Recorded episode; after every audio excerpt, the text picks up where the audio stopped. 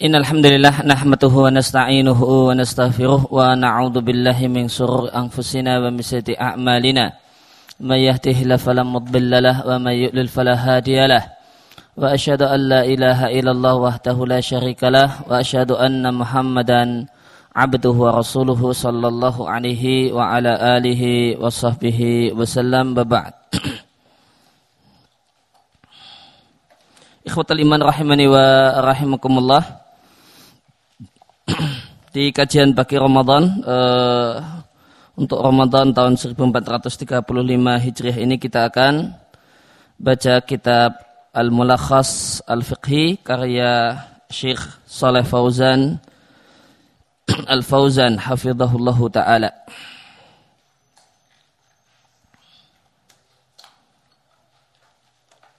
Dan dia adalah salah satu uh, anggota Lajnah Daimah ya, dan Hay'ah Kibar Ulama Saudi. Hmm. Nah, akan tetapi uh, Allah Subhanahu wa taala tidak memberikan keturunan untuk beliau. Ya, beliau tidak punya anak. Hafizahullah taala. Kita langsung pada uh, mukaddimah. Bismillahirrahmanirrahim. Al-muqaddimah boleh dibaca mukaddimah, boleh dibaca mukaddamah.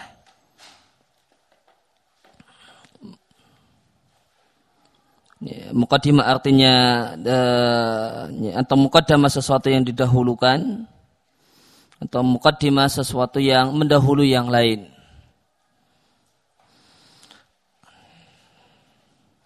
Bismillahirrahmanirrahim. Alhamdulillahi rabbil alamin. Wassalatu wassalamu ala nabiyina Muhammadin khataman nabiyyin. Khatamin nabiyyin wa ala alihi wa ashabihi wa man tabi'ahum bi ihsanin ila yaumiddin. Amma ba'd. Fahada mulakhasun fil fiqhi. Maka ini adalah uh, ringkasan dalam ilmu fikih makrunatun bi adillatihi minal kitab sunnah yang ya, fikih yang disampaikan di sini bergandengan dengan dalil-dalilnya dari Quran dan sunnah. Dulu aku sampaikan materi ini fil idaah di ya, di radio yaitu idaah Al-Qur'anul Karim. Maka ini aslinya adalah materi fikih yang disampaikan oleh Syekh Fauzan di Idza'ah Al-Qur'anul Karim, Radio Al-Qur'anul Karim, radio resmi pemerintah Arab Saudi. Ala halakat selama beberapa episode. Waqat takarara at-talab mimman sami'uhu dan berulang-ulang ada permintaan dari para pendengarnya wa alahu dan mereka para pendengar mendesak alayya padaku bitobaatihi agar materi tersebut dicetak. Dia bakal intifa'u bihi insyaallahu supaya langgenglah al intifa'u bihi orang bisa mengambil manfaat dengannya. Ya, kalau karena jika cuma siaran radio ya ya yang mengambil manfaat yang mendengarkan saja. Kalau tercetak ya maka orang yang tidak mendengarkan pun bisa ya, membacanya dan mendapatkan faedah darinya. Wa makuntu anwi dzalika idadihi. Dan tidaklah aku berniat untuk mencetaknya menjadikannya sebagai buku saat aku i'dadihi saat aku menyusunnya. Ya, maka sebelum siaran beliau tulis terlebih dahulu apa yang mau disampaikan baru kemudian dibacakan saat siaran di radio. Ya, saat beliau menyusun materi untuk disampaikan di radio beliau tidak pernah punya pikiran untuk mencetaknya sebagai buku. Walakin nuzulan ingda rohbatil kathir akan tapi ya, nuzulan ya, mengalah karena keinginan banyak orang ya, a'atun nadhara fihi maka ku baca ulang ku telaah ulang apa yang kemarin ditulis untuk radio. tuh kemudian aku ya, buat agar sistematis. Wa tuh li tobaah barulah kuserahkan ke percetakan. Dan buku tersebut atau materi tersebut sudah ada di hadapan Anda, wahai pembaca yang mulia.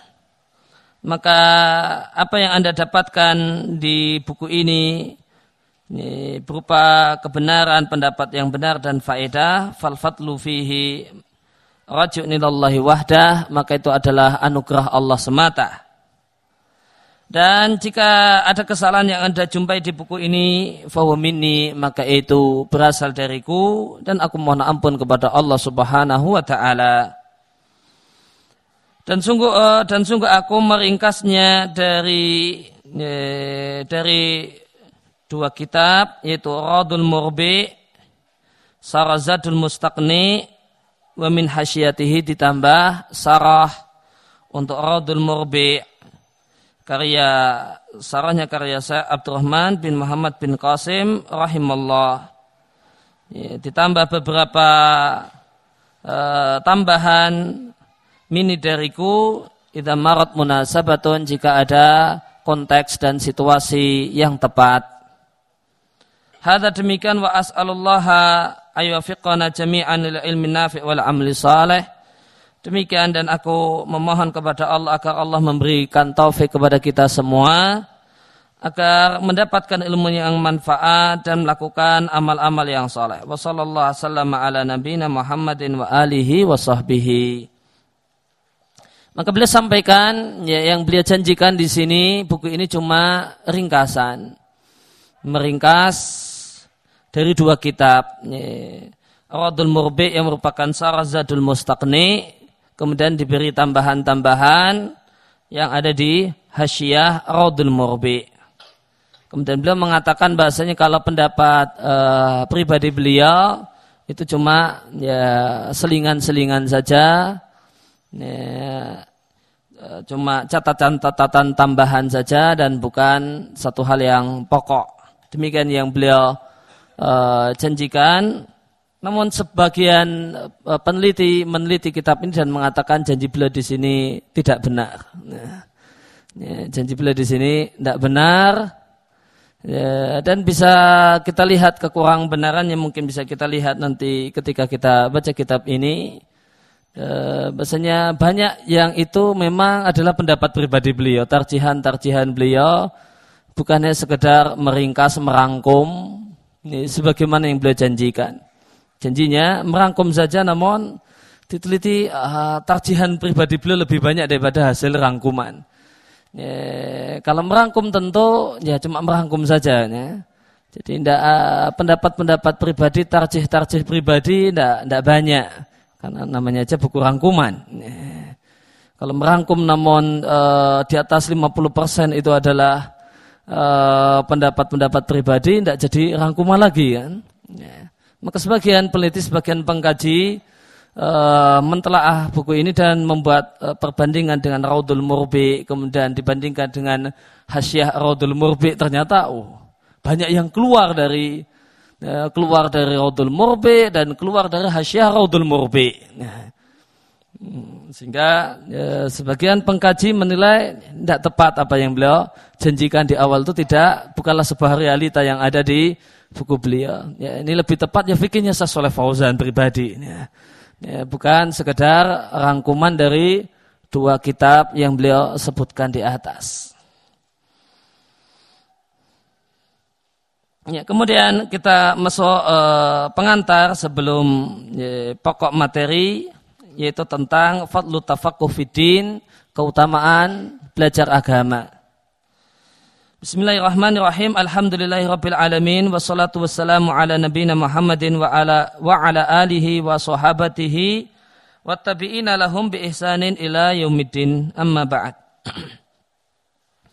Maka sesungguhnya belajar agama itu termasuk afdalil a'mal. Amal yang paling utama. Dan belajar agama dan semangat untuk belajar agama adalah alamatul khair. Tanda kebaikan Sebagaimana uh, sabda Nabi sallallahu alaihi wasallam, "Mayuridillahu bihi khairan yufaqihu fiddin." Siapa saja yang Allah kehendaki untuk Allah berikan badannya kebaikan yang besar, maka Allah akan ya, fahamkan dia tentang agama. Ya, maka man tentu adalah man syartiyah di sini.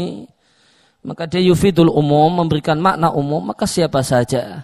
Ya, ya tidak hanya orang Arab. Ya, orang Arab ataupun orang bukan Arab, laki-laki ataupun perempuan. Maka siapa saja yang Allah uh, inginkan untuk mendapatkan kebaikan yang besar. Dan khairan di sini nakirah didahului syarat yufidul umum maka memberikan makna umum. Maka makna hadis ini ya, siapa yang Allah inginkan untuk mendapatkan seluruh kebaikan. Maka Allah akan fahamkan dia tentang agama. Maka seakan-akan Allah tiadakan kebaikan di luar ilmu. Seakan-akan seluruh kebaikan itu ada dalam ilmu. Dan sebagaimana dikatakan oleh Ibnul Qayyim, pujian yang Allah berikan dalam Al-Quran, pujian yang ada dalam Quran dan Sunnah semuanya adalah terkait dengan ilmu atau mengamalkan ilmu.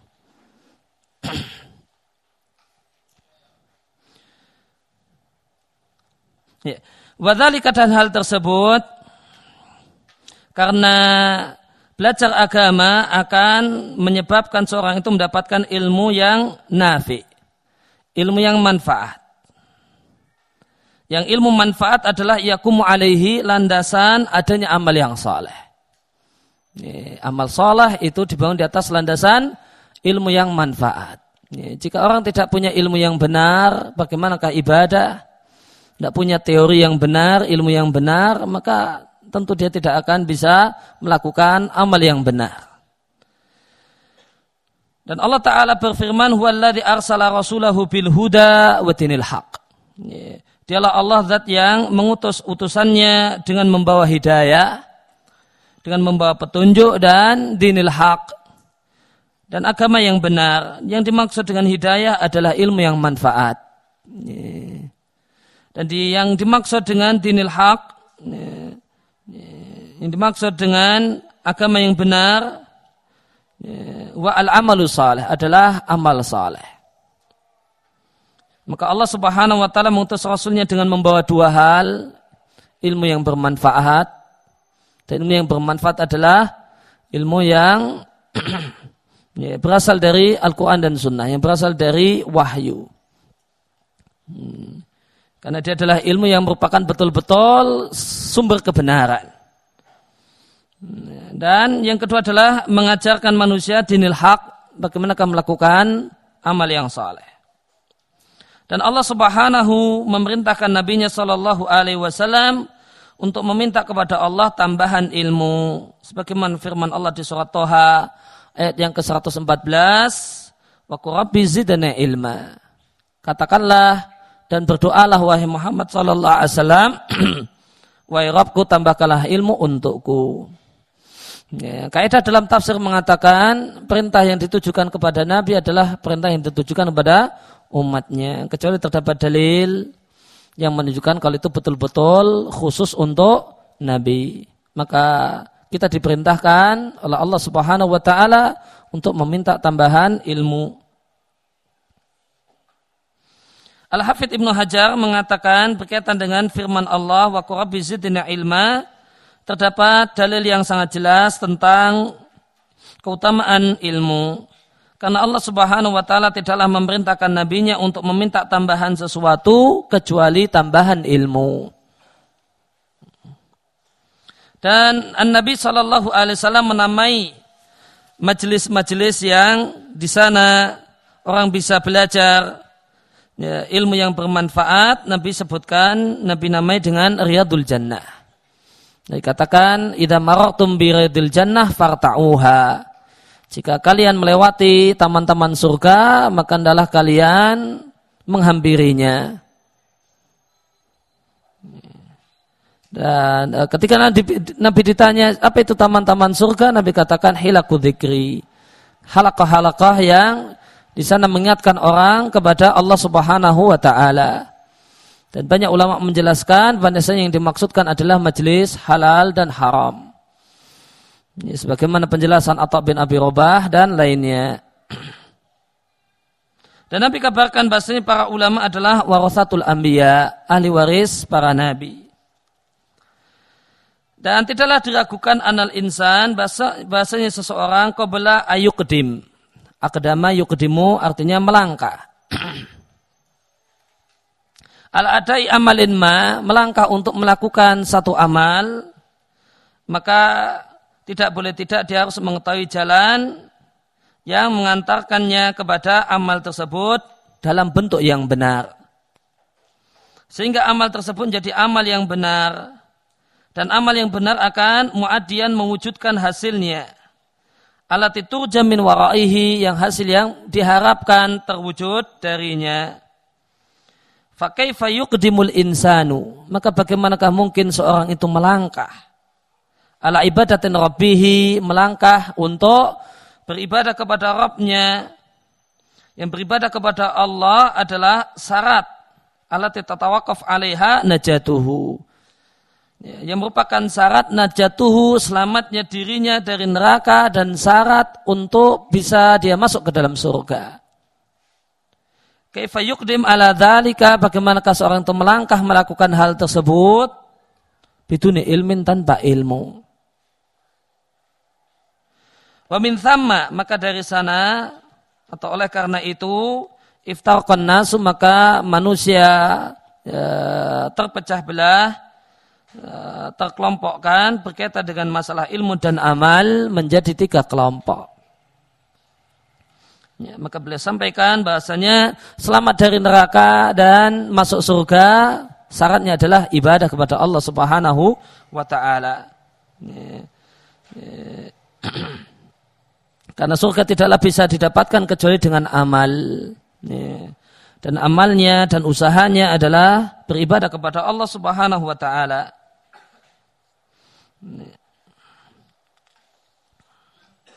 Dan supaya seorang itu bisa ibadahnya adalah ibadah yang benar, ini tidak mungkin terwujud kecuali dengan ilmu yang benar. Maka ada tiga kelompok manusia berkaitan dengan ilmu dan amal. Yang pertama adalah orang yang memadukan antara ilmu yang nafi' dan amal yang saleh.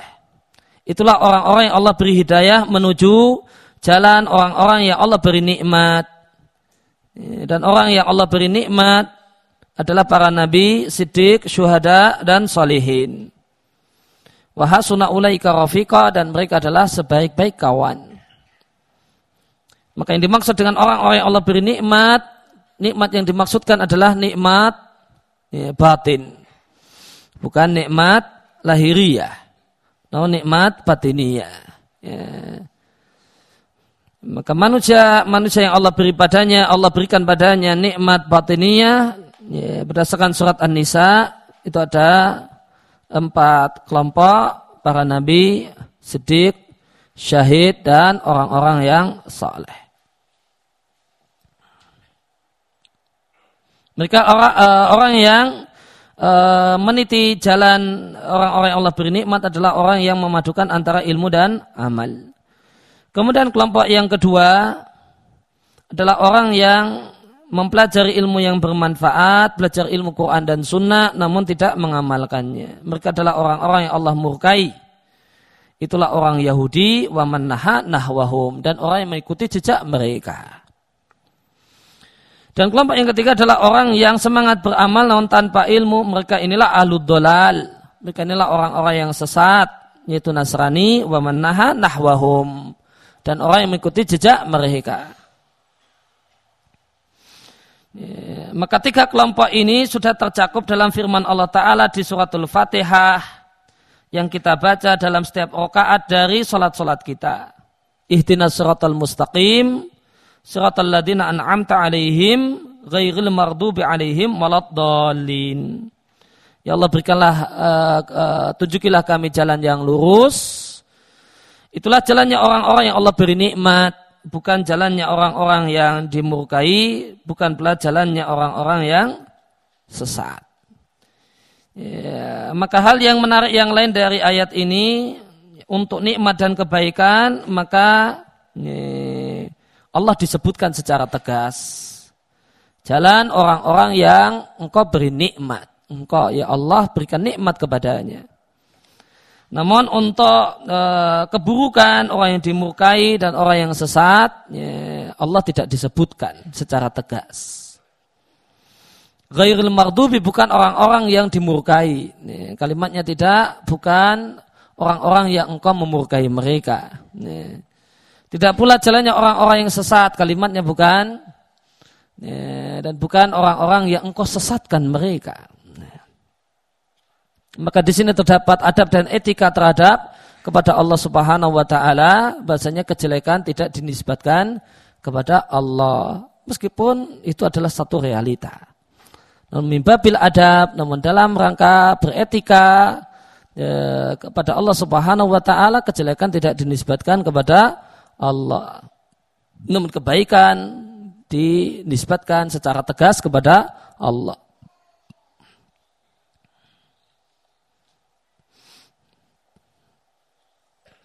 Ya, kemudian Berkaitan dengan ayat ini terdapat perkataan yang menarik yang disampaikan oleh Al-Imam Syekh Muhammad Ibn Abdul Wahab rahimallahu taala. Beliau mengatakan adapun firman Allah ghairil mardubi alaihim waladdallin maka orang-orang yang dimurkai mereka adalah orang-orang yang berilmu yang tidak mengamalkan ilmunya. Sedangkan orang-orang yang sesat adalah orang yang gemar beramal tanpa ilmu.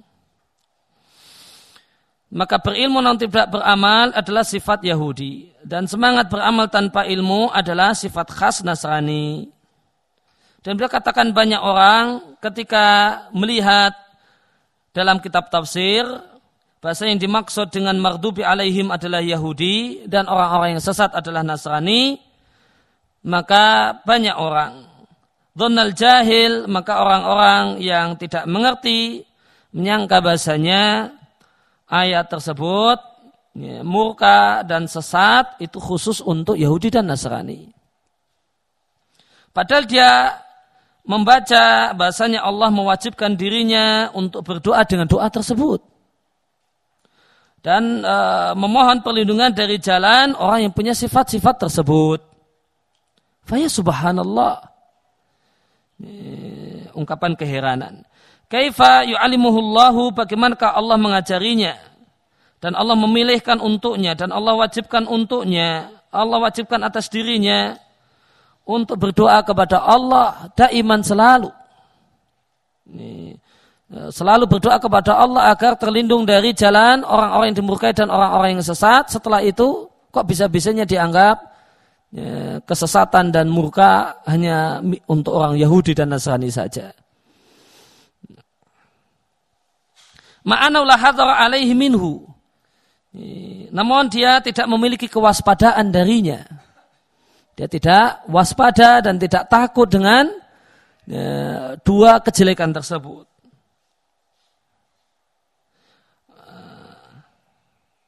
Wala anna fi'lahu hadha. Dan dia tidaklah uh, membayangkan kalau perbuatannya ini adalah bentuk Dhanna sau billahi adalah bentuk berburuk sangka kepada Allah Subhanahu wa taala. Intaha kalamu Syekh eh, demikian perkataan Syekh Muhammad bin Abdul Wahab.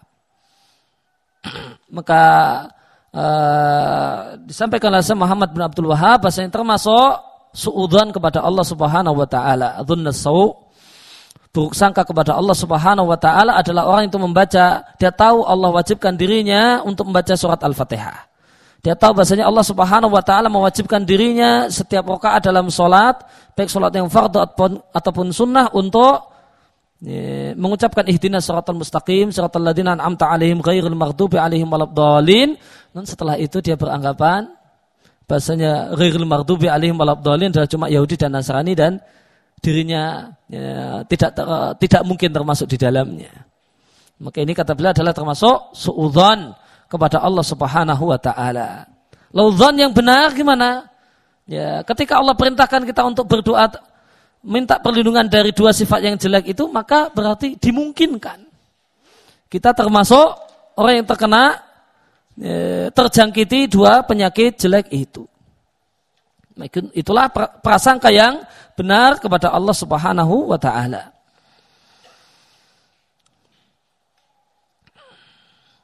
Maka di sini uh, Syekh Muhammad bin Abdul Wahab menjelaskan kepada kita hikmah diwajibkannya membaca surat yang agung ini, yaitu suratul Fatihah.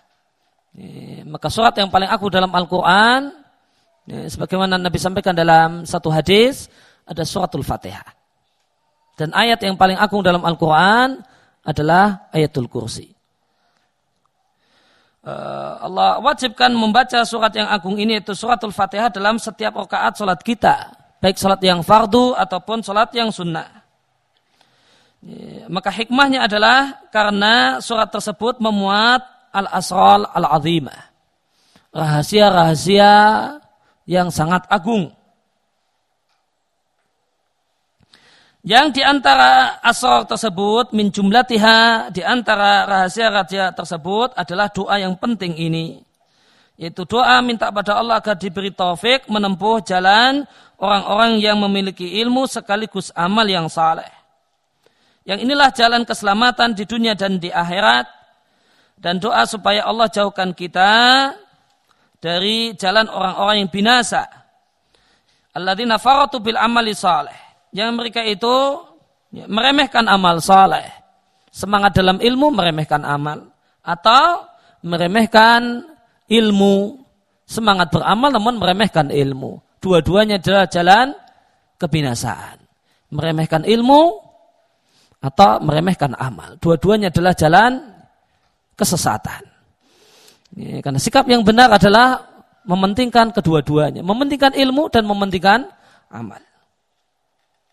Kemudian ketahuilah wahai pembaca yang mulia, bahasanya yang namanya ilmu yang nafi, yang disebut ilmu yang bermanfaat adalah ilmu yang diambil dari Quran dan Sunnah.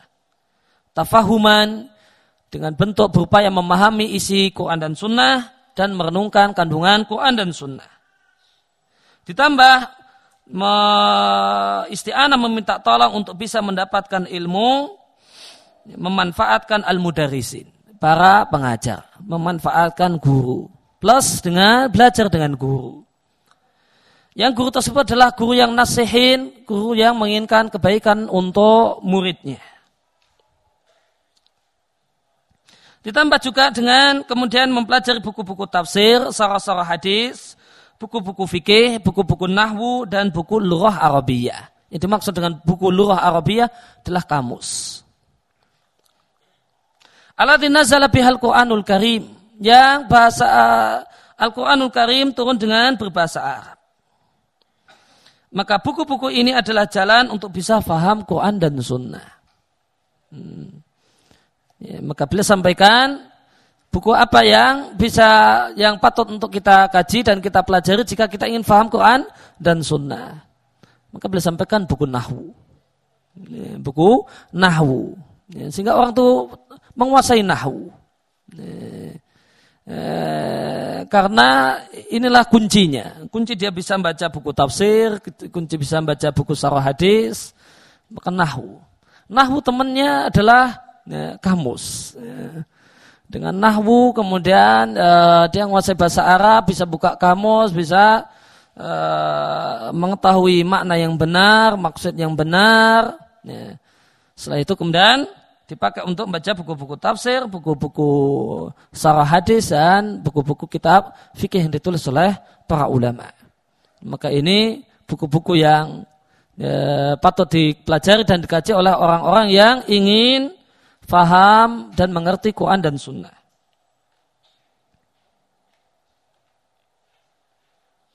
Ya, maka ilmu yang nafi, istilah ilmu nafi itu bisa dilihat dari sumbernya dan bisa dilihat dari dampaknya. Ilmu nafik dilihat dari sumbernya adalah ilmu yang berasal dari Quran dan Sunnah. ya, maka ilmu nafik adalah istilah untuk ilmu yang bersumber dari Al-Quran dan Sunnah. Bukan sekedar katanya, bukan sekedar dongeng, cerita uh, yang tidak ada dasarnya. Kemudian yang kedua dilihat dari dampaknya, maka ilmu nafik adalah ilmu yang membuahkan amal. Ya. Kalau ilmu itu sekedar untuk berwacana dan berteori, maka itu bukan ilmu yang nafi.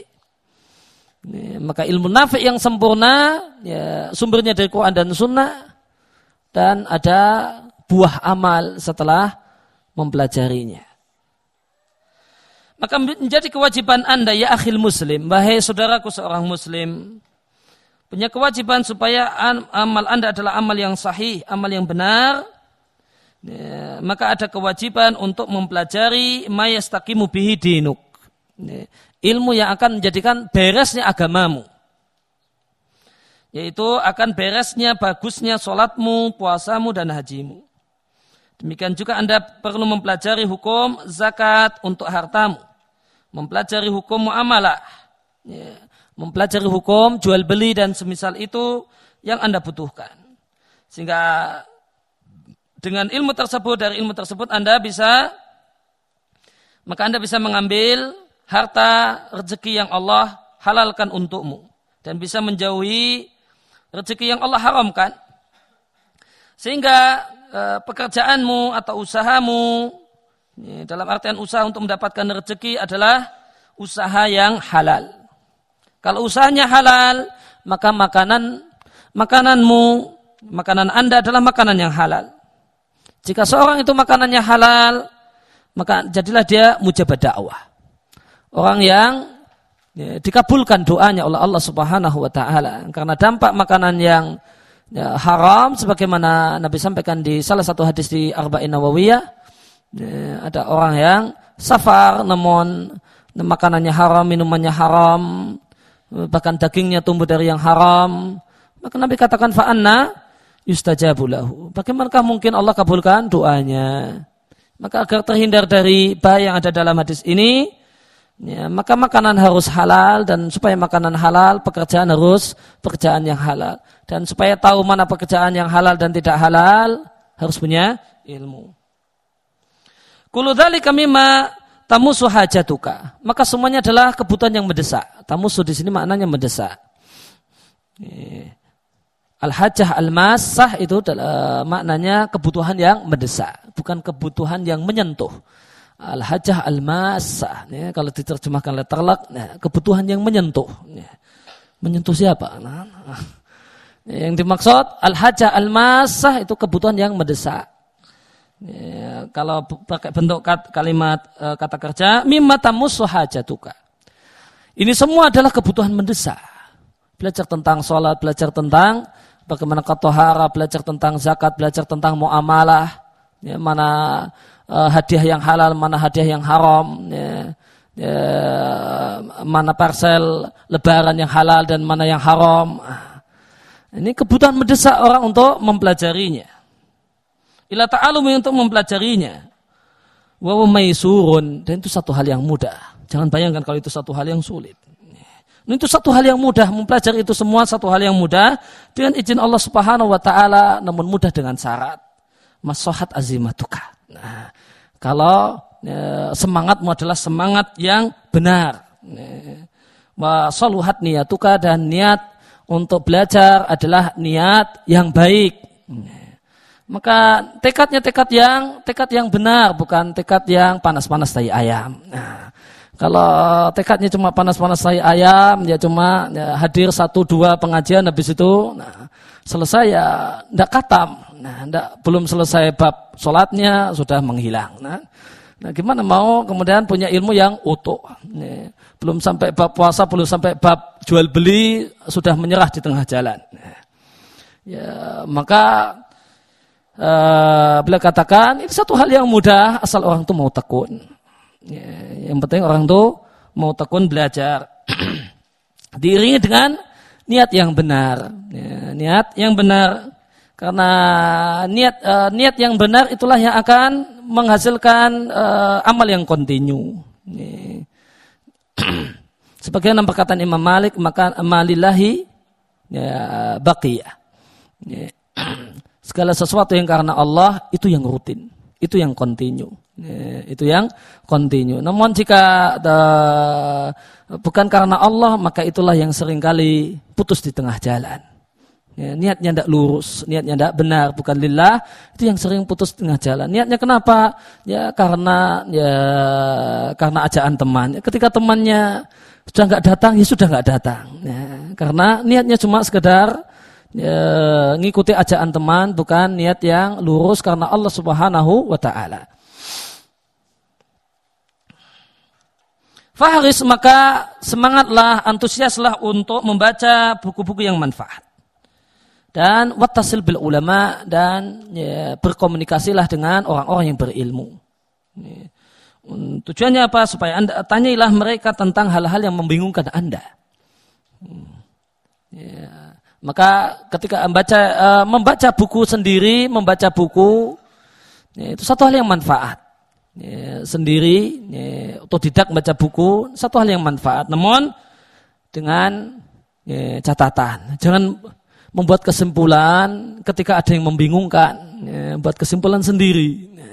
Ketika bingung orang bingung kok bikin kesimpulan tuh aneh orang bingung ya tanya ya. Bukan kemudian membuat kesimpulan sendiri ah ini kayaknya gini atau gini ah gini aja lah ya, namun oleh karena itu beliau katakan watas lebih ulama Ya, baca buku. Ada yang membingungkan komunikasi dengan orang-orang yang berilmu. Watatalaqa anhum ahkamadinik dan ambillah dari mereka hukum-hukum agamamu. Wakadhalika demikian juga tu'na ya, ya, ini bentuknya majuhul namun maknanya maklum sebagaimana tubuh via dan beberapa kosakata yang lain. Tufia bentuknya majhul, namun e, maknanya maklum, ya, wafat begitu saja, mati. Ya. Meskipun setelah itu adalah naibul fa'il. Demikian juga kata-kata unia. Maka dari katuna demikianlah hendaklah engkau perhatian bihuduri nadawat wal muhadarat adiniyah. Untuk hadir di ya, seminar-seminar agama atau ceramah-ceramah umum agama yang diadakan di sejumlah masjid dan yang lainnya. Demikian juga ya, dengarkanlah min baramid dinia acara keagamaan minal idaah dari radio, tentu radio yang manfaat dan ceramah agama tersebut disampaikan oleh orang-orang yang memang berilmu. Demikian juga bacalah majalah-majalah agama wan nasyarat, demikian juga buletin-buletin yang punya perhatian dengan masalah-masalah agama. Maka jika Anda bersemangat ya, dan Anda mengikuti ya, mengikuti hadil wafid al khairiyah alat-alat bantu yang baik ini ya, maka namat maklumatuka maka akan berkembanglah pengetahuanmu wastanarat basiratuka dan akan bersinarlah mata hatimu akan bersinarlah mata hatimu dengan ilmu namun walatan saya akhi, wahai saudaraku janganlah engkau lupa bahasanya ilmu itu akan tumbuh dan berkembang jika diamalkan. Karena jika uh, Anda mengamalkan apa yang telah Anda ketahui, maka Allah akan tambahkan ilmu kepada Anda. Sebagaimana disampaikan dalam satu hikmah maksurah. Satu kata-kata mutiara yang dinukil dari para ulama terdahulu. Man amila bima alima awrathahullahu ilma malam ya'lam. Barang siapa mengamalkan ilmu yang telah dia ketahui, maka Allah akan berikan kepadanya ilmu tentang hal-hal yang belum dia ketahui.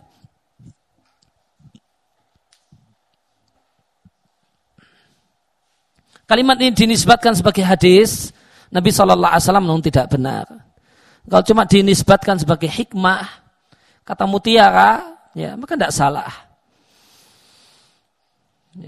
Dan kata sesolah Al Fauzan, ya, ungkapan ini itu benar. Dalilnya adalah firman Allah Taala, wattaqullah wa yu'allimukumullah wallahu bikulli syai'in alim. Bertakwalah kalian kepada Allah, artinya amalkanlah ilmu. Wa yu'allimukumullah dan Allah akan mengajarimu. Wallahu bikulli syai'in alim dan Allah maha mengetahui segala sesuatu.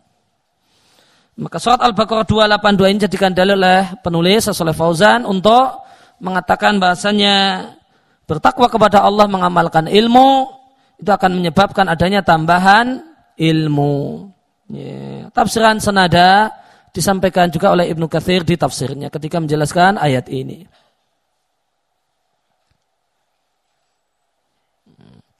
Maka ilmu itu akan berkembang manakala diamalkan. Ketika seorang itu mengamalkan ilmu, ya, maka mengamalkan akan jadi sebab Allah Subhanahu wa taala memberikan ilham sehingga dia faham kalimat-kalimat dalam ilmu yang tidak dia fahami.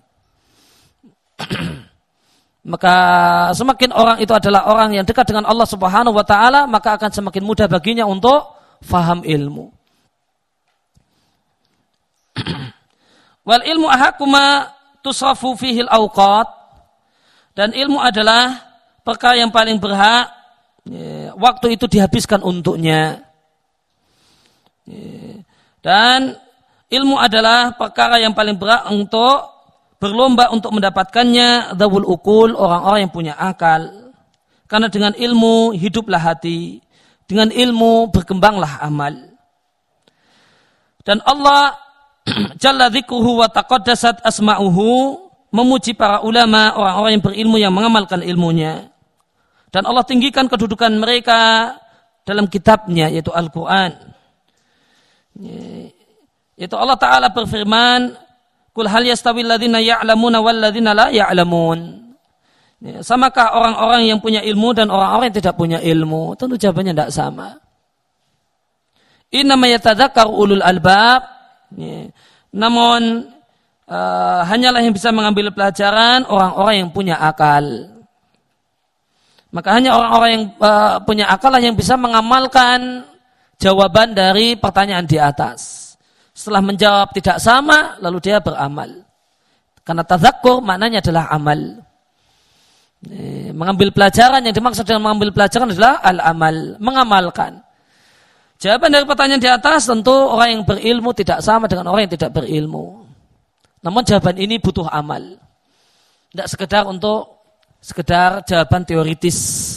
Namun jawaban yang senyatanya adalah amal. Setelah menjawab, secara teoritis tidak sama, lalu kemudian dia ada usaha supaya ya, dirinya tidaklah sama, ya, tidak kemudian dia bisa mendapatkan kedudukan orang yang berilmu yang itu tidak sama karena lebih mulia daripada orang-orang yang tidak punya ilmu. Dan Allah Ta'ala berfirman, Ya fa'ilahu ladina amanu minkum, Allah tinggikan orang-orang yang beriman di antara kalian dan orang-orang yang diberi ilmu beberapa derajat. Wallahu bima ta'maluna khabir dan Allah itu maha mengetahui apa saja yang kalian lakukan. Khabir makna dasarnya adalah uh, al-alim bi bawatinil umur yang mengetahui hal-hal yang tersembunyi. Itu makna uh, makna dari khabir, mengetahui hal-hal yang tersembunyi. Kalau yang tersembunyi diketahui, maka yang tidak tersembunyi tentu lebih diketahui. Maka Allah Subhanahu wa taala menjelaskan kelebihan orang-orang yang diberi ilmu manakala itu digandingkan dengan iman. Kemudian Allah sampaikan bahasanya Allah mengetahui apa yang kita lakukan dan Allah melihat apa yang kita lakukan. Untuk menunjukkan kepada kita bahasanya la buddha minal ilmi al amal. Bahasanya tidak boleh tidak di samping ilmu harus ada amal, ma'an dua-duanya harus ada. Dan tidaklah semua itu ilmu dan amal itu muncul dari faktor pendorong berupa iman dan merasa diawasi oleh Allah Subhanahu wa taala. Itu makna wallah bima ta'maluna khabir. Maka hendaknya ilmu dan amal ya, ilmu dan amal ini menunjukkan harus adanya amal di samping ilmu. Dan orang mengamalkan ilmu itu harus karena motivasi merasa diawasi oleh Allah Subhanahu wa taala. Wanahnu amalan dan kami dalam rangka mengamalkan kewajiban tolong menolong dalam kebaikan dan takwa. Sanukodim akan kami suguhkan kepada anda dengan pertolongan Allah melalui kitab ini sebagian pengetahuan, sebagian informasi minarasidil fiqhi dari perbendaraan ilmu yang telah disimpulkan untuk kita oleh para ulama kita dan telah mereka dawanuhu, mereka catat dalam kitab-kitab mereka. Akan kami sampaikan untuk Anda mata min dalik, apa yang memungkinkan untuk itu. La'allahu mudah-mudahan hal ini menjadi faktor pendorong bagi Anda untuk istifadah, untuk belajar, wal istizadah dan men, uh, dan uh, berusaha mencari tambahan dari ilmu yang bermanfaat. Ya. Maka beliau harapkan ya, setelah orang mempelajari dan membaca buku ini, pertama istifadah. Orang dapat ilmu dari buku ini. Namun setelah selesai belajar, ya, karena ini baru belajar ringkasan, mulakhos saja. Nah, maka diharapkan penasaran. Nah, diharapkan penasaran. Oh ini dapat ringkasan saja demikian banyak ilmunya. Gimana yang aslinya? Yang sebelum diringkas. Nah, maka tentu lebih manfaat lagi. Mungkin ringkasnya saja manfaat, apalagi ketika aslinya sebelum diringkas. Maka istizadah. Setelah belajar ini diharapkan orang tambah semangat untuk belajar yang lebih mendalam. Wa nas'alullaha dan kita meminta kepada Allah agar Allah memberikan bantuan kepada ya, kami dan Anda berupa ilmu yang bermanfaat dan memberikan taufik untuk kita semua untuk melakukan amal yang saleh. Wa nas'alullah wa nas'aluhu subhanahu dan kita mohon meminta kepada Allah ayurina haqqa haqqa wa wa yarzuqna tiba'ah wa yurina al-batila batila wa yarzuqna tinabah. Kita memohon kepada Allah agar Allah perlihatkan kepada kita kebenaran sebagai satu kebenaran dan Allah berikan kepada kita kemampuan untuk mengikutinya dan Allah nampakkan kepada kita kebatilan adalah kebatilan dan Allah memberikan kepada kita kemampuan untuk menjauhinya. Innahu sami'un mujib. Ya, dia adalah maha mendengar lagi maha mengabulkan doa. Doa yang sangat terkenal di tempat kita, Allah ma'arinal haqqa haqqa warzuqna tiba'ah ini kata Ibnu Katsir adalah doa yang ma'thur. Ya, ma'thur anis salaf. Ya, dan sebagian referensi menegaskan bahasanya adalah doa yang berasal dari Umar Ibn Khattab radhiallahu anhu. Kemudian kita masuk pada kitab Tohara.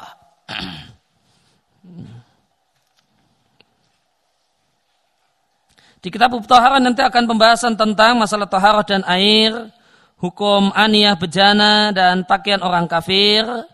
Ya, demikian juga apa yang diharamkan bagi orang yang muhdis, ya, orang yang berhadas, ya, jangan dibaca muhadis, ya.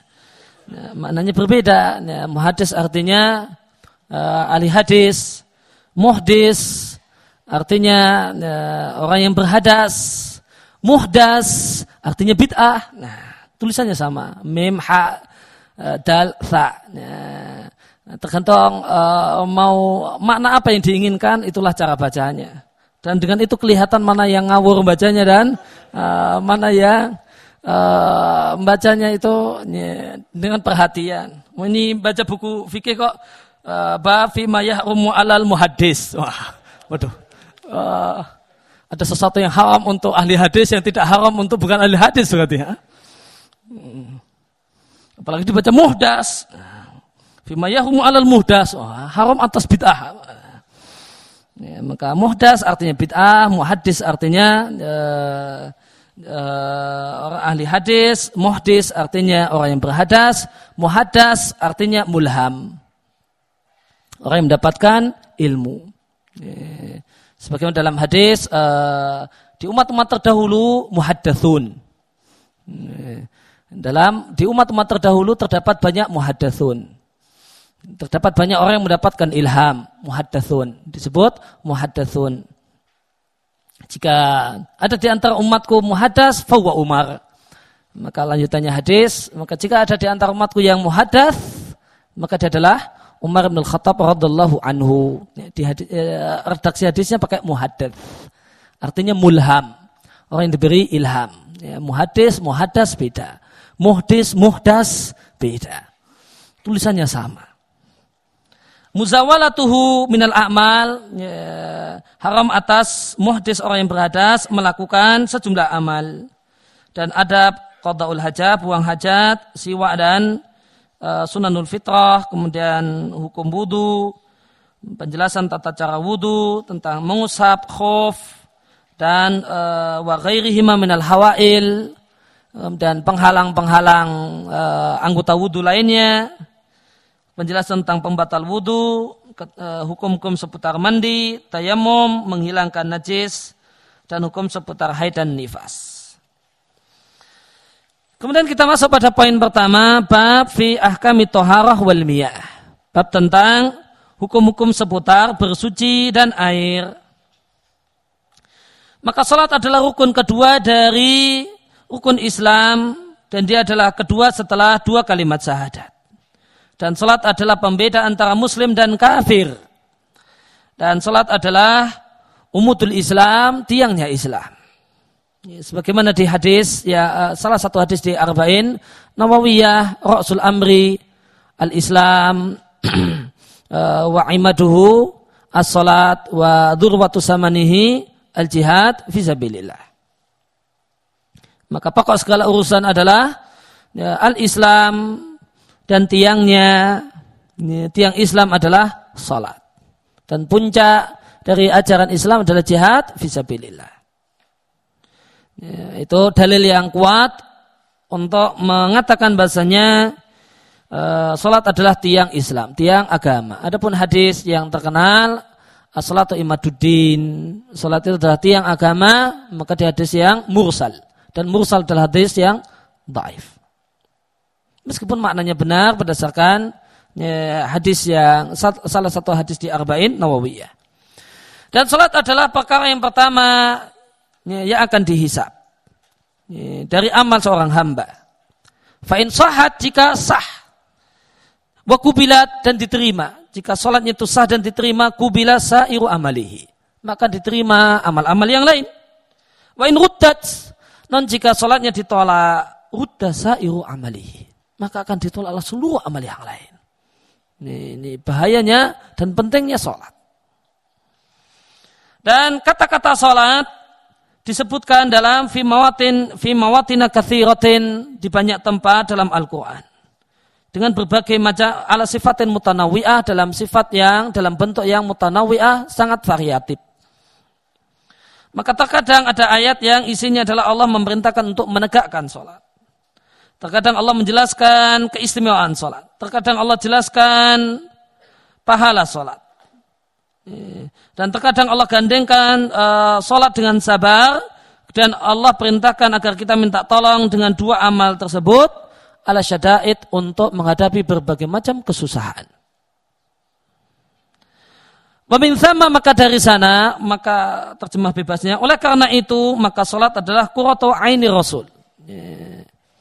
Adalah penyejuk hati Nabi Shallallahu Alaihi Wasallam. Sebagaimana dalam satu hadis Nabi katakan wajulat kuratu aini fis salati. Dan penyejuk hatiku Penyejuk hatiku ada dalam sholat. Maka sholat adalah penyejuk hati Nabi Shallallahu Alaihi Wasallam di uh, di uh, di dunia di dunia ini. Fahiyya hilyatun nabiyyin. Karena sholat adalah perhiasan para nabi. Ini mengisyaratkan bahasanya di syariat umat-umat terdahulu ada kewajiban sholat. Kewajiban sholat bukan hanya kewajiban Eh, kewajiban dalam syariat Muhammad Sallallahu Alaihi Wasallam. Dan dia adalah simbol orang-orang soleh. Tidak dijumpai orang soleh kecuali sholat. Nah, orang yang mengatakan saya sholat, saya orang soleh namun tidak sholat, maka itu pengakuan yang palsu dan bohong. Syiarus salihin adalah sholat. Simbol orang-orang soleh adalah sholat. Tidak ada status soleh kecuali menegakkan sholat. Kecuali dengan menegakkan sholat. Uh, wahya silatun dan dia adalah penghubung antara hamba dengan Allah Rabb semesta alam. Dan salat itu tanha anil fahsya iwal mungkar. Dan salat itu uh, mencegah pelakunya dari perbuatan uh, keji yaitu dosa-dosa besar wal mungkar dan perbuatan mungkar yaitu dosa-dosa kecil.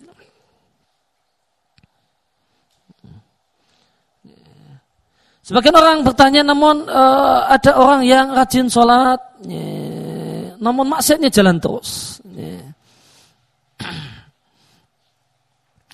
Padahal ayat ini mengatakan bahasanya sholat mencegah dari perbuatan keji dan mungkar.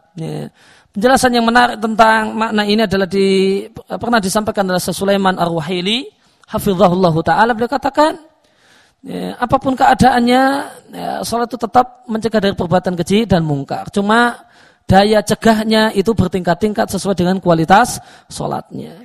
Maka ada orang yang sholatnya bermutu, maka sholat itu mampu mencegah dia selama dua jam setelah selesai sholat dari perbuatan keji dan mungkar. Yang kurang bermutu cuma satu jam, yang kurang bermutu lagi setengah jam, yang kurang bermutu lagi cuma seperempat jam. Yang paling tidak bermutu maka cuma pas sholat saja dia tidak melakukan perbuatan keji dan mungkar. Nun tetap tetap mencegah perbuatan keji dan mungkar.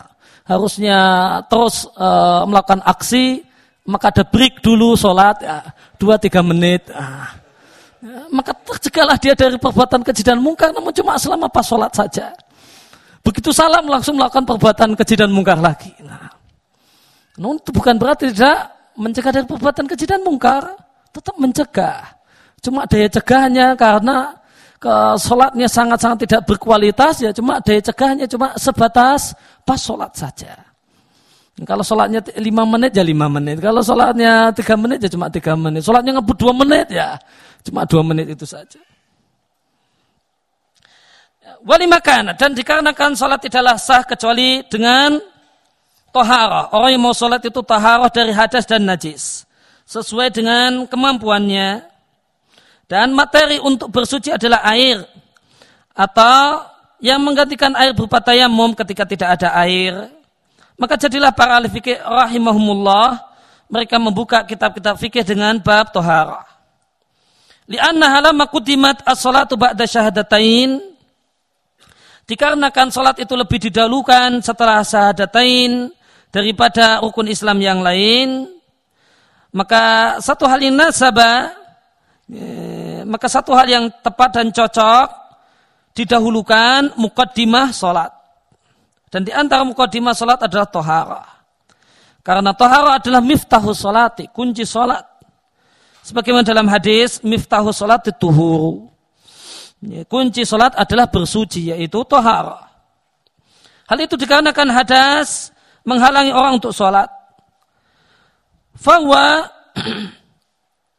ya, maka ya, maka hadas itu kalkif seperti gembok yang diletakkan pada diri orang yang berhadas. Jika uh, orang yang berhadas tadi kemudian berwudu, in halal kiflu. Maka gembok tadi kemudian terbuka. Oleh karena itu Nabi mengatakan miftah. Menyebutnya dengan miftah. Maka berarti seakan-akan nah, hadas itu adalah gemboknya. Sedangkan toharah wudu itu adalah kuncinya. Nah, maka tahara adalah aukadu suruti salat adalah syarat salat yang paling ditekankan.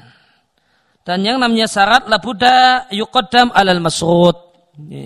Yang namanya syarat itu di depannya masrud. Yang namanya syarat itu di depannya masrud. Syarat salat itu di depannya salat. Sebelum salat syaratnya dipenuhi dulu. Syarat puasa itu harus ada sebelum orang mulai berpuasa. Syarat nikah juga harus dipenuhi terlebih dahulu. Ada pengantennya, enggak ada pengantennya, gimana mau akad nikah? Nah, maka syarat harus dipenuhi terlebih dahulu. Hmm. Hmm. Syarat ujian harus dipenuhi terlebih dahulu, lunas SPP. Lunas dulu baru bisa ujian. Nah, karena lunas SPP syarat. Maka syarat itu di depannya masrot. Toharoh makna toharoh dalam bahasa Arab artinya nadhofah wa nazahah. Kebersihan dan kebersihan ya, dari kotoran uh, hisiyah konkret wal maknawiyah atau kotoran abstrak.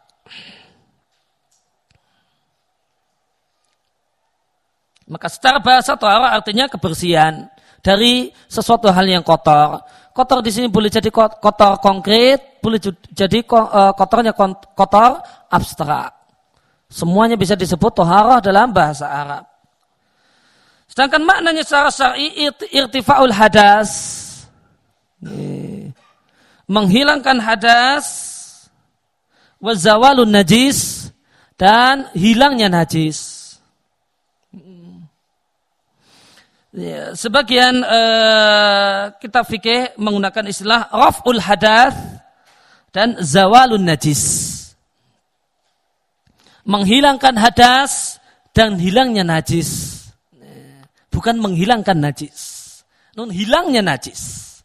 Apa bedanya? Kenapa kalau uh, kalau hadas menghilangkan na hadas, kalau najis hilangnya najis. Kenapa zawalul najis? Ya, tanpa niat. Sah tanpa niat. Nah, najis itu uh, sah kalau dia bersih dan sudah hilang tanpa niat. Enggak harus pakai niat. Ya, orang ada najis di kakinya, kemudian kehujanan, najisnya luntur bersama air hujan, maka sudah sah bersih. Tidak perlu diguyur lagi sampai di rumah, saya mau menghilangkan ya, najis di kaki saya, tidak perlu. Ya, maka cukup zawalul hadas. Ya, zawalul najis. Hilangnya najis. Namun, untuk hadas, maka raf'ul hadas menghilangkan hadas, mengisyaratkan niat. Mengisyaratkan niat. Kalau untuk menghilangkan hadas, hadas kecil ataupun hadas besar harus ada niat untuk menghilangkan. Niat untuk menghilangkan hadas besar dan niat untuk menghilangkan hadas kecil. Namun kalau najis tidak perlu niat. Yang penting itu najis hilang, bendanya najis hilang, sudah selesai.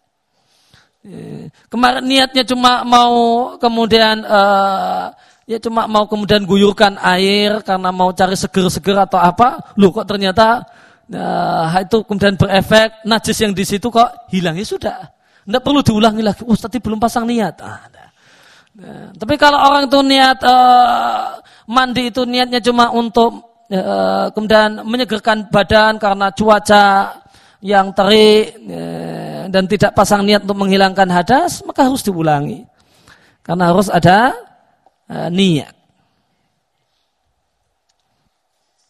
Waktifaul hadas yasul bistimalil ma' ma'an niyah. Dan hilangnya hadas itu terwujud dengan penggunaan air yang diiringi dengan niat. Menurut pendapat yang paling kuat, menghilangkan hadas, mandi dan wudhu itu harus pakai niat. Hmm.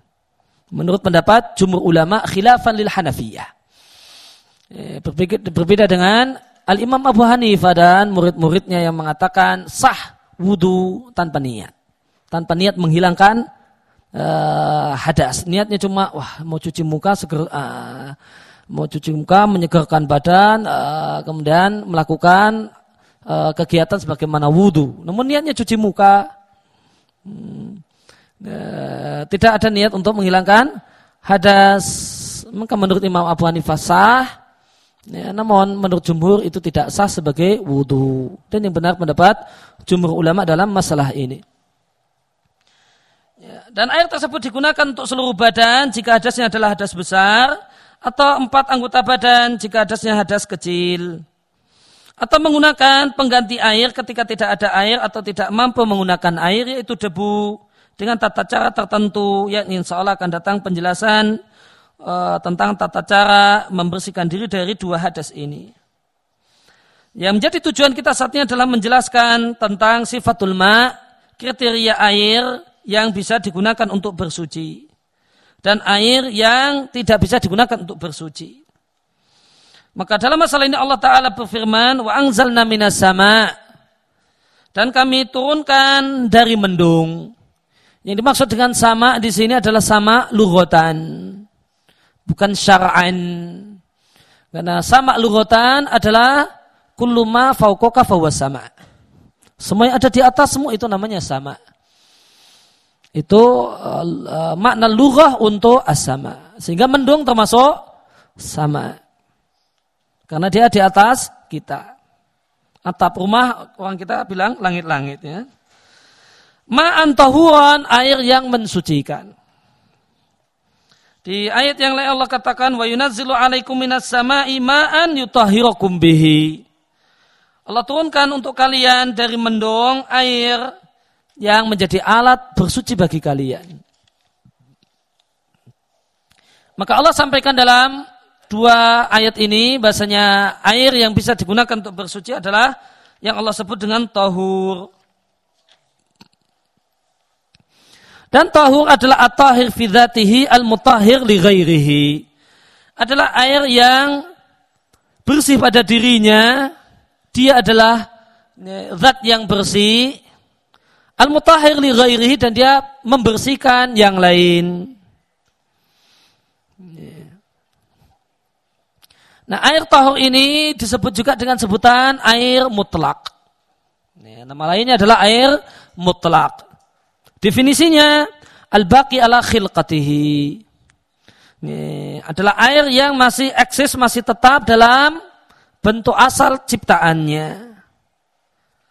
Maksudnya sifati allati khuliqa 'alaiha. Ini adalah air yang masih dalam bentuk yang bentuk penciptaannya. Baik itu turun dari atas semacam hujan atau e, salju cair atau embun atau dia adalah air yang mengalir di bumi semacam air sungai, uyun, mata air, abar, sumur ataupun lautan. Karena e, mukotoran atau e, sesuatu yang menetes Fada walladhi yasiu at-tatahuru bihi. Inilah air yang sah kita digunakan untuk bersuci dari hadas dan najis. Namun jika taghayyara, jika air itu berubah dan dia berubah karena najis, maka tidak boleh tatahur bersuci dengannya dan ini satu hal yang tidak diperselisihkan oleh ulama. Namun jika dia berubah dengan materi yang suci, sabun atau lumpur atau yang lain, kemudian lam yaglib alaihi. Materi yang suci tadi tidak dominan. Tidak dominan, tidak mengalahkan uh, materi air. E, maka pendapat yang benar dari dua pendapat ulama dalam masalah ini sihatu tatahuru bihi aidan. Sahnya berwudu dengannya. Maka ketika air itu berubah, maka perubahan air ada dua macam. Boleh jadi berubah karena najis, dan boleh jadi berubah karena materi yang suci. Jika dia berubah, boleh jadi warna, rasa atau baunya, atau salah satu dari uh, ketiganya, atau salah dua, atau bahkan tiga-tiganya. Dengan najis, maka dia adalah air najis, tidak boleh digunakan untuk bersuci. Tidak sah untuk wudhu, tidak sah untuk mandi. Namun uh, jika kemudian kecampuran uh, materi suci, maka nanti dilihat. Materi yang materi bersih itu lebih dominan ya, ataukah air yang lebih dominan? Ini, bahasa bebasnya ini air kecampuran tanah atau lana, tanah kecampur air. Nah, nah, ini air kecampuran sabun ataukah sabun kecampuran air? Nah, tentu berbeda nanti statusnya. Kalau nih, kalau dia statusnya adalah air kecampuran tanah, air kecampuran sabun, nih, maka sabun ini tidak galib, tidak dominan atas air. Nah, ketika campuran materi suci ini tidak dominan, maka ulama berselisih pendapat. Ulama berselisih pendapat, belum katakan ada dua pendapat ulama. Kaulail ulama. Ada dua pendapat ulama dalam masalah ini, bolehkah berwudu dengannya ataukah tidak. Ini air ya, bercampur dengan tanah. Ya, namun ini statusnya air bercampur dengan tanah sehingga air tidak sehingga tanah tidak dominan. Maka ada ulama yang melarangnya, melarang dipakai untuk berwudu dan ada yang membolehkan. Pendapat yang beliau kuatkan, dikuatkan oleh penulis ini adalah boleh. Boleh berwudu dan mandi dengan air semacam itu.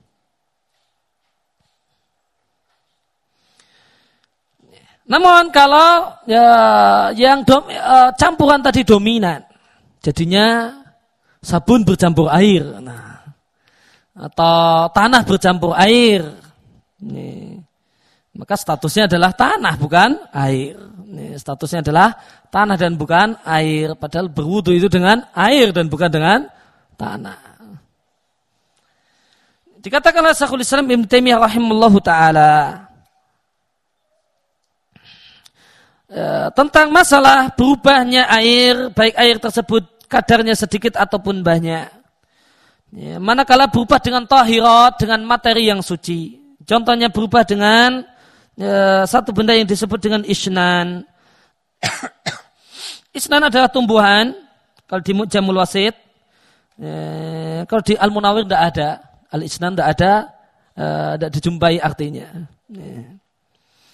Ya, kalau uh, al isnan di Mujamul Wasat mana adalah tumbuhan yang tumbuh di uh, tanah berpasir yang di masa selam digunakan debunya, abunya dipakai untuk membersihkan kain atau member, dan membersihkan tangan.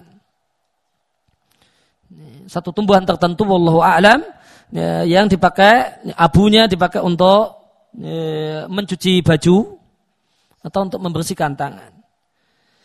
Atau bercampur dengan sabun atau bercampur dengan daun bidara atau bercampur dengan hadmi.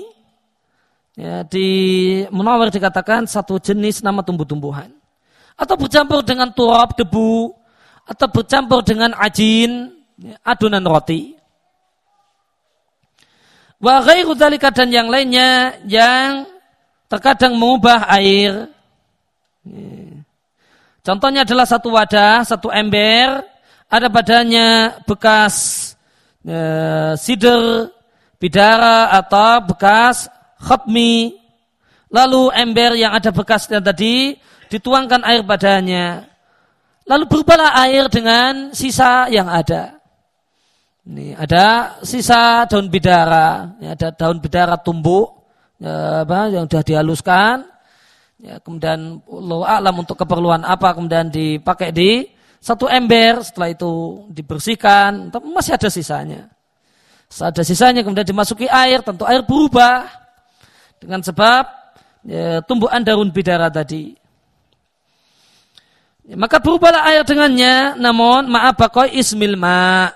Namun sebutan air masih ada pada uh, air yang ada di di ember ini. Maka untuk air semacam ini padanya terdapat dua pendapat ulama yang terkenal. Kemudian uh, beliau Ibn menyebutkan ya, dua pendapat tersebut dan menjelaskan alasan dari masing-masing pendapat. Kemudian warajah al-kaula, kemudian beliau merojihkan pendapat yang mengatakan sahnya bersuci dengan air semacam itu. Beliau mengatakan bahwa soab, Imtemiyah mengatakan itulah yang benar. Dalilnya karena firman Allah subhanahu wa ta'ala. Mahalu syahidnya adalah falam tajidu ma'an fatayammamu. Lalu kalian tidak menjumpai air fatayammamu sa'idan maka bertayamumlah dengan debu maka ma'an itu nakirah di sisi pendalilannya ma'an nakira isim nakira didauli nafi. Lam. Maka yufidul umum. Lalu kalian tidak menjumpai air apa pun maka boleh baru kalian boleh tayamum Ya, berarti kalau masih ada sesuatu yang bisa disebut air, tidak boleh tayamum. Dan ketika air itu masih bercampur dengan campuran yang tidak banyak, kecampuran sabun atau kecampuran sampo, non tidak banyak, maka ini masih disebut air. Masih disebut air. Maka berdasarkan uh, uh, berdasarkan ayat ini, maka masih ada air maka tidak boleh tayamum. Karena masih ada air, meskipun airnya air tercampur sabun atau tercampur sampo. Ya. Uh, beliau katakan nakira fi siyakin nafi Firman Allah falam tajidu ma'an adalah nakira ism nakira didahului oleh nafi.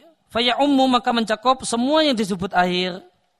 Tidak ada beda antara satu jenis air dengan air yang lain air yang murni air ataukah air yang bercampur dengan sabun atau bercampur dengan sedikit sampo.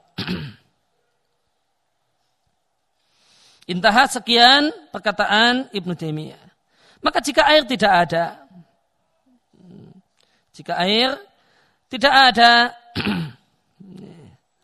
dan e, kategori tidak ada di sini, ya kemudian di jarak yang wajar, ya, oh, masih ada air di Parangtritis. Ah, ya. Mau dipogung, masa suruh ke Parangtritis. Nah, maka yang dimaksud dengan tidak ada air di sini adalah di daerah sekitarnya uh, yang terjangkau. Ya, tidak ada ketentuan jarak uh, tertentu dari syariat. Sebagian ulama fikih ngasih patokan jarak sekian. Uh, sekian jaraknya itu uh, wajib cari air di situ. Kalau itu tidak ada, nah baru dikatakan tidak ada air. Namun uh, patokan baku masalah hal tersebut tidak ada, maka ya urfan secara urf tidak ya, ada air di daerah tersebut. Dan di daerah tersebut ya pokung sampai mana lah, masa harus sampai Parangtritis kan enggak ya. maka tidak harus sampai sana. Mungkin dimaksud dengan tidak ada air ada di daerah tersebut. dengan kategori wajar, ya, ya masih terjangkau. Atau tidak mampu menggunakan air, meskipun sebenarnya air ada, maka Allah telah Eh, menjadikan gantinya adalah debu. Ala sifaten dan debu ini ada satu tata cara untuk penggunaannya yang dijelaskan oleh Nabi Shallallahu Alaihi Wasallam dalam hadis. Yang akan datang penjelasannya insya Allah di bab tayamum. Dan ini kemudian ini kalau tidak ada air atau tidak mampu menggunakan air maka boleh tayamum adalah di antara bentuk kasih sayang Allah dengan hamba-hambanya. Dan Allah menghilangkan kesempitan dari hambanya. Allah Ta'ala berfirman, Wa in kuntum marda aw ala safarin maka jika kalian sakit atau bepergian atau salah satu kalian datang dari tempat buang air aula mastumun nisa atau kalian ya, bersentuhan dengan perempuan. Yang menurut salah satu tafsiran yaitu kalian berhubungan badan. Lalu kalian tidak menjumpai air maka tayamumlah sa'idan tayyiban dengan debu yang suci tidak najis, usapkan ke wajah dan tanganmu. Innallah kana afuwan ghafura, sehingga Allah maha pemaaf lagi maha pengampun.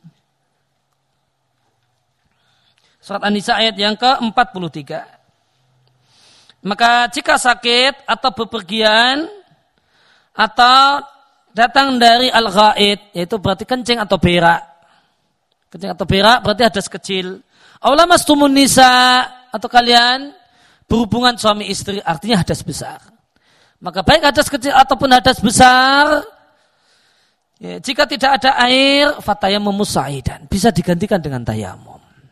Maka ini dalil bahasanya uh, hadas kecil dan hadas besar ya, ketika tidak ada air itu suci dengan tayamum. Maka tayamum bisa menjadi pengganti uh, wudhu dari kata-kata auja'ahatu minkum minal ghaid dan juga bisa pengganti mandi dari kalimat aula mastumun nisa.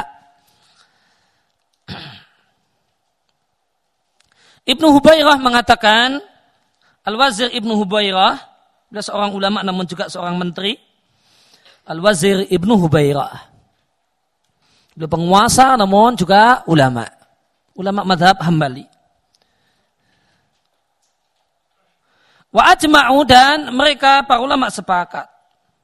Bahasanya tohara dengan air menjadi kewajiban setiap orang yang punya kewajiban sholat manakala ada air. Jika tidak ada air, maka pengganti air. Dalilnya adalah firman Allah Ta'ala, Falam tajidu ma'an fatayammamu sa'idan tayyiba. Jika tidak ada air, ya, maka hendaklah kalian bertayamum dengan debu yang bersih. Dan kata-kata tidak dan kalian tidak jumpai air menunjukkan adanya usaha.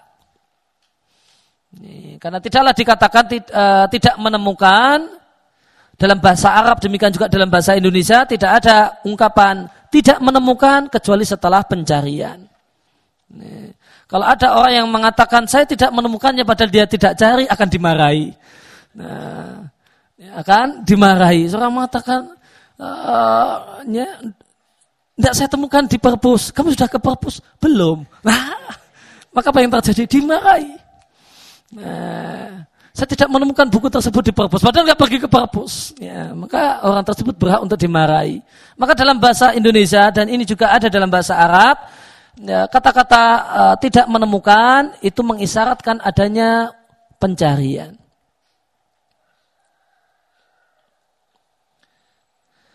Lalu kalian setelah kalian mencari air, kalian ternyata tidak menjumpai air, barulah kalian tayamum dengan debu yang suci.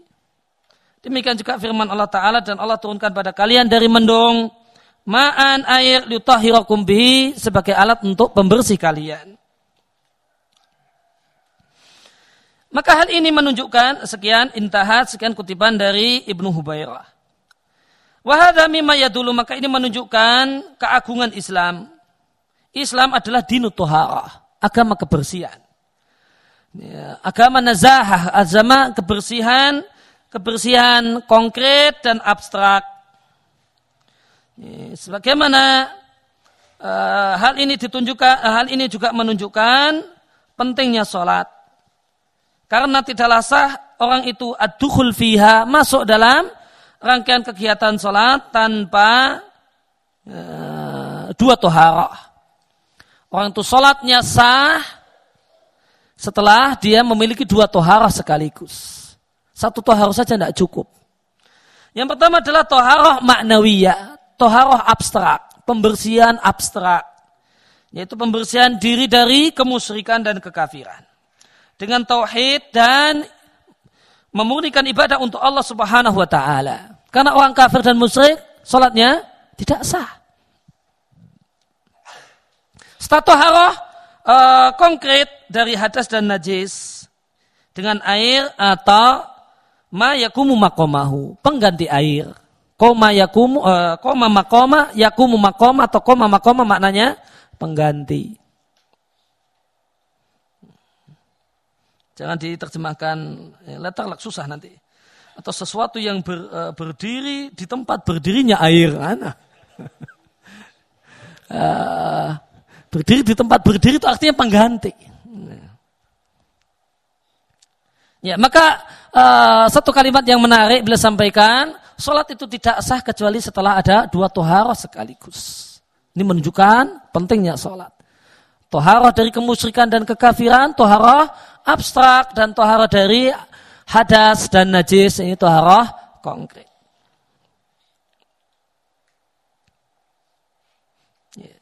Maka tadi ada kalimat yang uh, penting beliau katakan Islam adalah dinu toharoh wa nazahah agama kebersihan. Ya.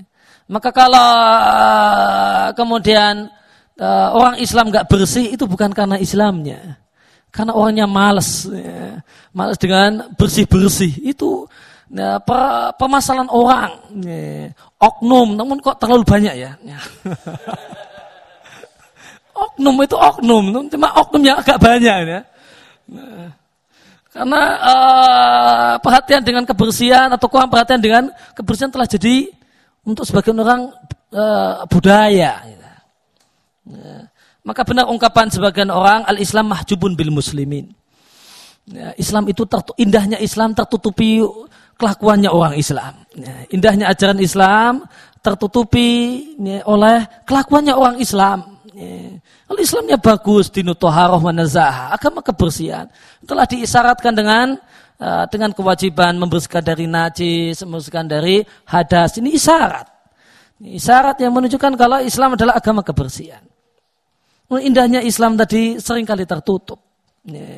Di dunia nyata tertutup dengan ulah orang-orang Islam yang tidak suka dengan uh, budaya bersih atau kurang suka dengan budaya bersih. Kemudian wa'lam dan ketahuilah bahasanya air. Itu karena bagian jika dia masih tetap dalam kondisi aslinya, eh, tidak bercampur dengan materi yang lain, maka dia adalah air tohur dengan sepakat ulama. Demikian juga jika berubah salah satu sifat fisiknya yang tiga, yaitu baunya atau rasanya atau kewarnanya, dan itu berubah dengan najis, maka dia adalah air najis juga dengan sepakat ulama. Yang ulama sepakat tidak boleh menggunakannya untuk berwudu dan untuk mandi. Namun jika berubah salah satu sifatnya dengan pencampur dan pencampurnya itu adalah maddah tahira, materi yang suci. Contohnya dedaunan pohon atau sabun atau isnan yang tadi e, tumbuhan yang dulu dipakai abunya dipakai untuk cuci baju atau sider atau ya, materi suci lainnya dan pencampur tadi lam yaglib tidak mendominasi air itu. Ya, Falibatil ulama fidalika maka sebagian ulama dalam masalah ini terdapat rincian dan perselisihan. Namun yang benar dia adalah air yang suci, boleh bersuci dengannya dari hadas dan boleh bersuci dengannya dari najis. Wa ala hadha, maka berdasarkan hal ini maka boleh bagi kita untuk menyimpulkan bahasanya air itu cuma dua macam saja. Macam yang pertama adalah air tahur yang sah untuk bersuci. Air tahur adalah air yang tetap dalam ciptaan aslinya atau tercampur dengan materi yang suci dengan catatan lam taglib alaihi. Campuran suci tadi tidak dominan dan campuran tersebut tidak menghilangkan nama air untuknya. Kemudian macam yang kedua air yang najis yang tidak boleh digunakan. Maka air ini tidaklah bisa menghilangkan hadas dan tidak pula menghilangkan najis. Itulah air yang berubah bin najasah berubah dengan najis wallahu taala a'lam.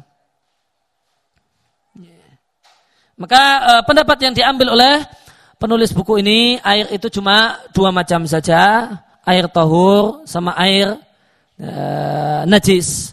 Air yang tahur ada dua macam, yang memang air yang masih asli atau kecampuran dengan materi yang suci namun tidak dominan. Gimana kalau dominan tadi? Kalau dominan bukan lagi disebut air. Nah, bukan lagi disebut air, maka dia tidak masuk dalam pembagian air. Wong ini pembagian air. Nah, ini kan pembagian air. Nah, karena pembagiannya pembagian air, maka semuanya adalah yang tergolong air. Adapun jika campuran tadi yang dominan, maka dia bukan air. Dia tidak masuk dalam bab ini. Nah, demikian pendapat beliau dan insya Allah adalah pendapat yang uh, ya, pendapat yang cukup kuat dan kuat dalam masalah ini. Air cuma dua macam tadi. Sebagian ulama membagi air dengan air tiga macam, semacam di fikih muyasar itu mengikuti pembagian tiga. Bahasanya air itu adalah air tohur, kemudian ada air tohir dan ada air najis. Ada disebut air tohir manakala tadi kecampuran dengan materi suci.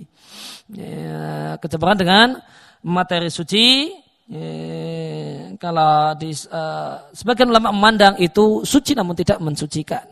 Namun pendapat yang dipilih oleh uh, penulis Al-Mulakhas Al-Fiqhi itu adalah termasuk tahur berarti suci dan mensucikan. Demikian yang uh, kita baca kesempatan pagi hari ini. Uh, insya Allah kita akan lanjutkan esok pagi. Wassalamualaikum ala nabiyina Muhammadin wa ala alihi wa sahbihi rabbil alamin.